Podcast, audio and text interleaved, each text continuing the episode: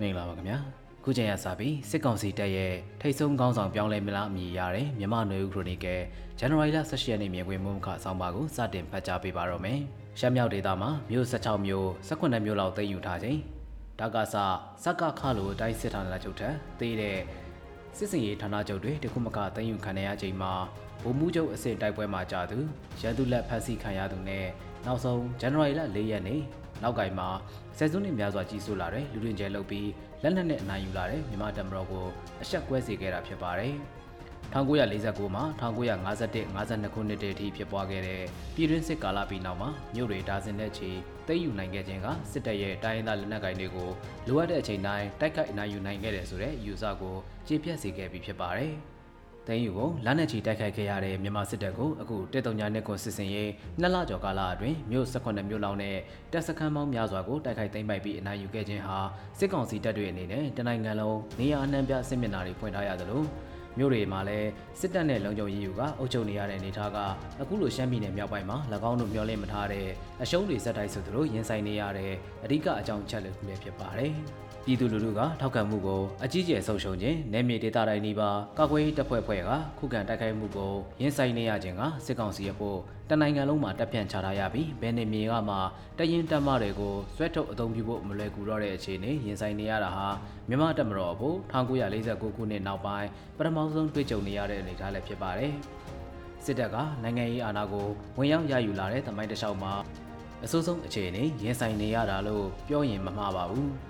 1958ခုနှစ်ကတည်းကနိုင်ငံရေးသမားတွေရဲ့အုပ်စုကွဲမှုကိုအကြောင်းပြပြီးစစ်တပ်ကနိုင်ငံရေးအာဏာကိုရယူလာပြီးတိုင်းရင်းသားလူမျိုးစုလက်နက်ကိုင်အဖွဲ့တွေအများပြားတိုးပွားလာအောင်နိုင်ငံရေးပြဿနာကိုလက်နက်အင်အားနဲ့ဖြေရှင်းပြီးတိုင်းပြည်ကိုထိန်းချုပ်ခဲ့ရမှာအခုဒီချိန်ကတော့တနိုင်ငံလုံးအတိုင်းအတာနဲ့လက်နက်ကိုင်စန့်ကျင်တိုက်ခိုက်ခံနေရတာကစစ်တပ်ထောက်ခံသူတွေကပင်လစစ်ကောင်စီခေါင်းဆောင်မင်းအောင်လှိုင်ကိုယာရုကဆင်းပေးဖို့စတင်ပြောဆိုနေကြပြီဖြစ်ပါတယ်။ စစ်တပ်ထောက်ခံတဲ့စစ်ရာရှိဟောင်းတွေအမျိုးဘာသာသာသနာအစွန်းရောက်ဘုံတော်ကြီးတွေအမျိုးသားဝါဒီတွေအကြားမင်းအောင်လှိုင်ရဲ့စစ်တပ်ကိုအမိန်ပေးညွှန်ကြားနေတာတွေကပျောက်လုံးတယ်လို့မြင်လာကြပြီးဒုကာကွယ်ရေးစစ်ဦးချုပ်ဖြစ်တဲ့စိုးဝင်းကိုနေရာပေးဖို့စကားလမ်းကြောင်းပေးရလှုံ့ဆော်မှုကိုမကြသေးခင်ရက်ပိုင်းပြင်ဦးလွင်မှာလုပ်တဲ့စစ်ကောင်စီထောက်ခံသူလူစုလူဝေးဆန္ဒပြပွဲမှာပေါက်ကိုတော်လို့အများကခေါ်ကြတဲ့မဘတာဆရာတော်ကဟောပြောခဲ့တာဖြစ်ပါတယ်။ အခုလိုဟောပြောမှုမတိုင်ခင်ကတည်းကဆိုရှယ်မီဒီယာမှာတဦးချင်းအမြင်အယူအဆနဲ့ရေးသားနေကြတာတွေရှိပေမဲ့စိတ်ရရှိတွေအများစုနေထိုင်ကြတဲ့ပြည်ဦးလင်လိုမျိုးမှာလူသိထင်ရှားမင်းအောင်လိုင်ကိုဖယ်ရှားဖို့စိုးဝင်းအနေနဲ့စစ်တပ်ထဲမှာလှုပ်ရှားမှုစီးရုံးမှုတွေရှိနေတာလားဒိုဒီမဟုတ်မဘာသာနဲ့စစ်တပ်ထောက်ခံသူတွေတွေကအခုတက်ပို့ပြီးပြင်းပြင်းထန်ထန်ထိုးစစ်ဆင်တက်ခိုက်လို့တဲ့အမြင်ကိုပေါ်လွင်စေုံလားဆိုတာကတော့တိတိကျကျမပြောနိုင်တဲ့အနေအထားဖြစ်ပါတယ်။ စိုးဝင်းနဲ့မင်းအောင်လှိုင်အကြားအုပ်စုဖွဲ့မှုအာဏာပြိုင်မှုရှိသည်ဖြစ်စေမရှိသည်ဖြစ်စေလက်တလုံးမှာရှမ်းမြောက်ဒေသကမြို့တွေစစ်စခန်းတွေကြကုန်တဲ့ကိစ္စနဲ့စစ်တပ်အင်အားထောင်ဝန်းနဲ့ချီတဲ့လက်နက်ချတဲ့အဖြစ်အပျက်တွေအတွက်စစ်တပ်မှတာဝန်ခံရမဲ့သူလိုနေတာတော့အထင်ရှားပဲဖြစ်ပါတယ်ဒီဆုံးရှုံးမှုတွေကိုအမိန်ပေးကိုကဲသူဒီချိန်နေမျိုးရောက်အောင်မလာအောင်ကြိုတင်ကာကွယ်စီမံနိုင်ခြင်းမရှိသူခေါင်းခံရမဲ့သူတဦးရှာဖွေဖို့ဥတီရဲ့သဘောမျိုးလို့ယူဆရပါတယ်။ အဲ့ဒီလိုအမိန်ပေးမှုနဲ့စီမံကုတ်ကဲမှုအားနည်းချက်တွေအတွက်အပြစ်တင်ရမယ့်တစုံတစ်ဦးကိုမဖော်ထုတ်နိုင်ခဲ့ရင်တပ်အနေနဲ့ရောစစ်တပ်ထောက်ခံသူတွေကြားမှာပါစိတ်တရေးရနှိမ့်ချနေပြီးလက်ရှိရင်ဆိုင်တိုက်ခိုက်နေရတဲ့စစ်မျက်နှာတွေမှာပါအဆုံးရှုံးတွေဆက်လက်ရင်ဆိုင်ရမယ်လို့စစ်တပ်ထောက်ခံသူတွေကယူဆကောင်းယူဆကြပါလိမ့်မယ်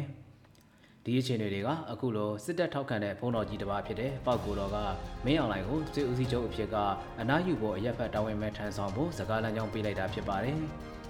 စစ်တပ်အနေနဲ့စစ်ဦးစီးချုပ်ကိုအနားပေးခဲ့တဲ့တမိုင်းဖြစ်ပြလဲမဝေးသေးတဲ့1993ခုနှစ်တွေကရှိခဲ့တာဖြစ်ပါတယ်။1990ရွေးကောက်ပွဲကျင်းပပြီးနောက်စစ်တပ်ကစစ်တမ်းများကိုပြန်မယ်လို့ပြောဆိုခဲ့တဲ့ထိုစဉ်ကကာကွယ်ရေးဦးစီးချုပ်အာနာသိန်းနဝတာရဲ့အမြင့်ဆုံးတာဝန်ယူထားတဲ့စောမောင်ကိုသူ့လက်အောက်ကတန်းရွှေကနှစ်နှဲငယ်အကြမှာအနားပေးခဲ့တာဖြစ်ပါတယ်။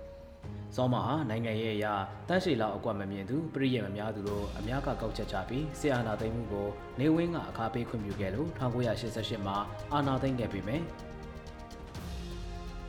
စစ်တပ်အနေနဲ့အာဏာကိုနှစ်ရှည်လာများဆက်လက်ထိန်းချုပ်ထားဖို့မဟာဗျူဟာနည်းဗျူဟာတွေကောင်းကောင်းချမှတ်နိုင်ခြင်းမရှိခြင်းကဖယ်ရှားခံရတဲ့သဘောလို့ယူဆရပါတယ်။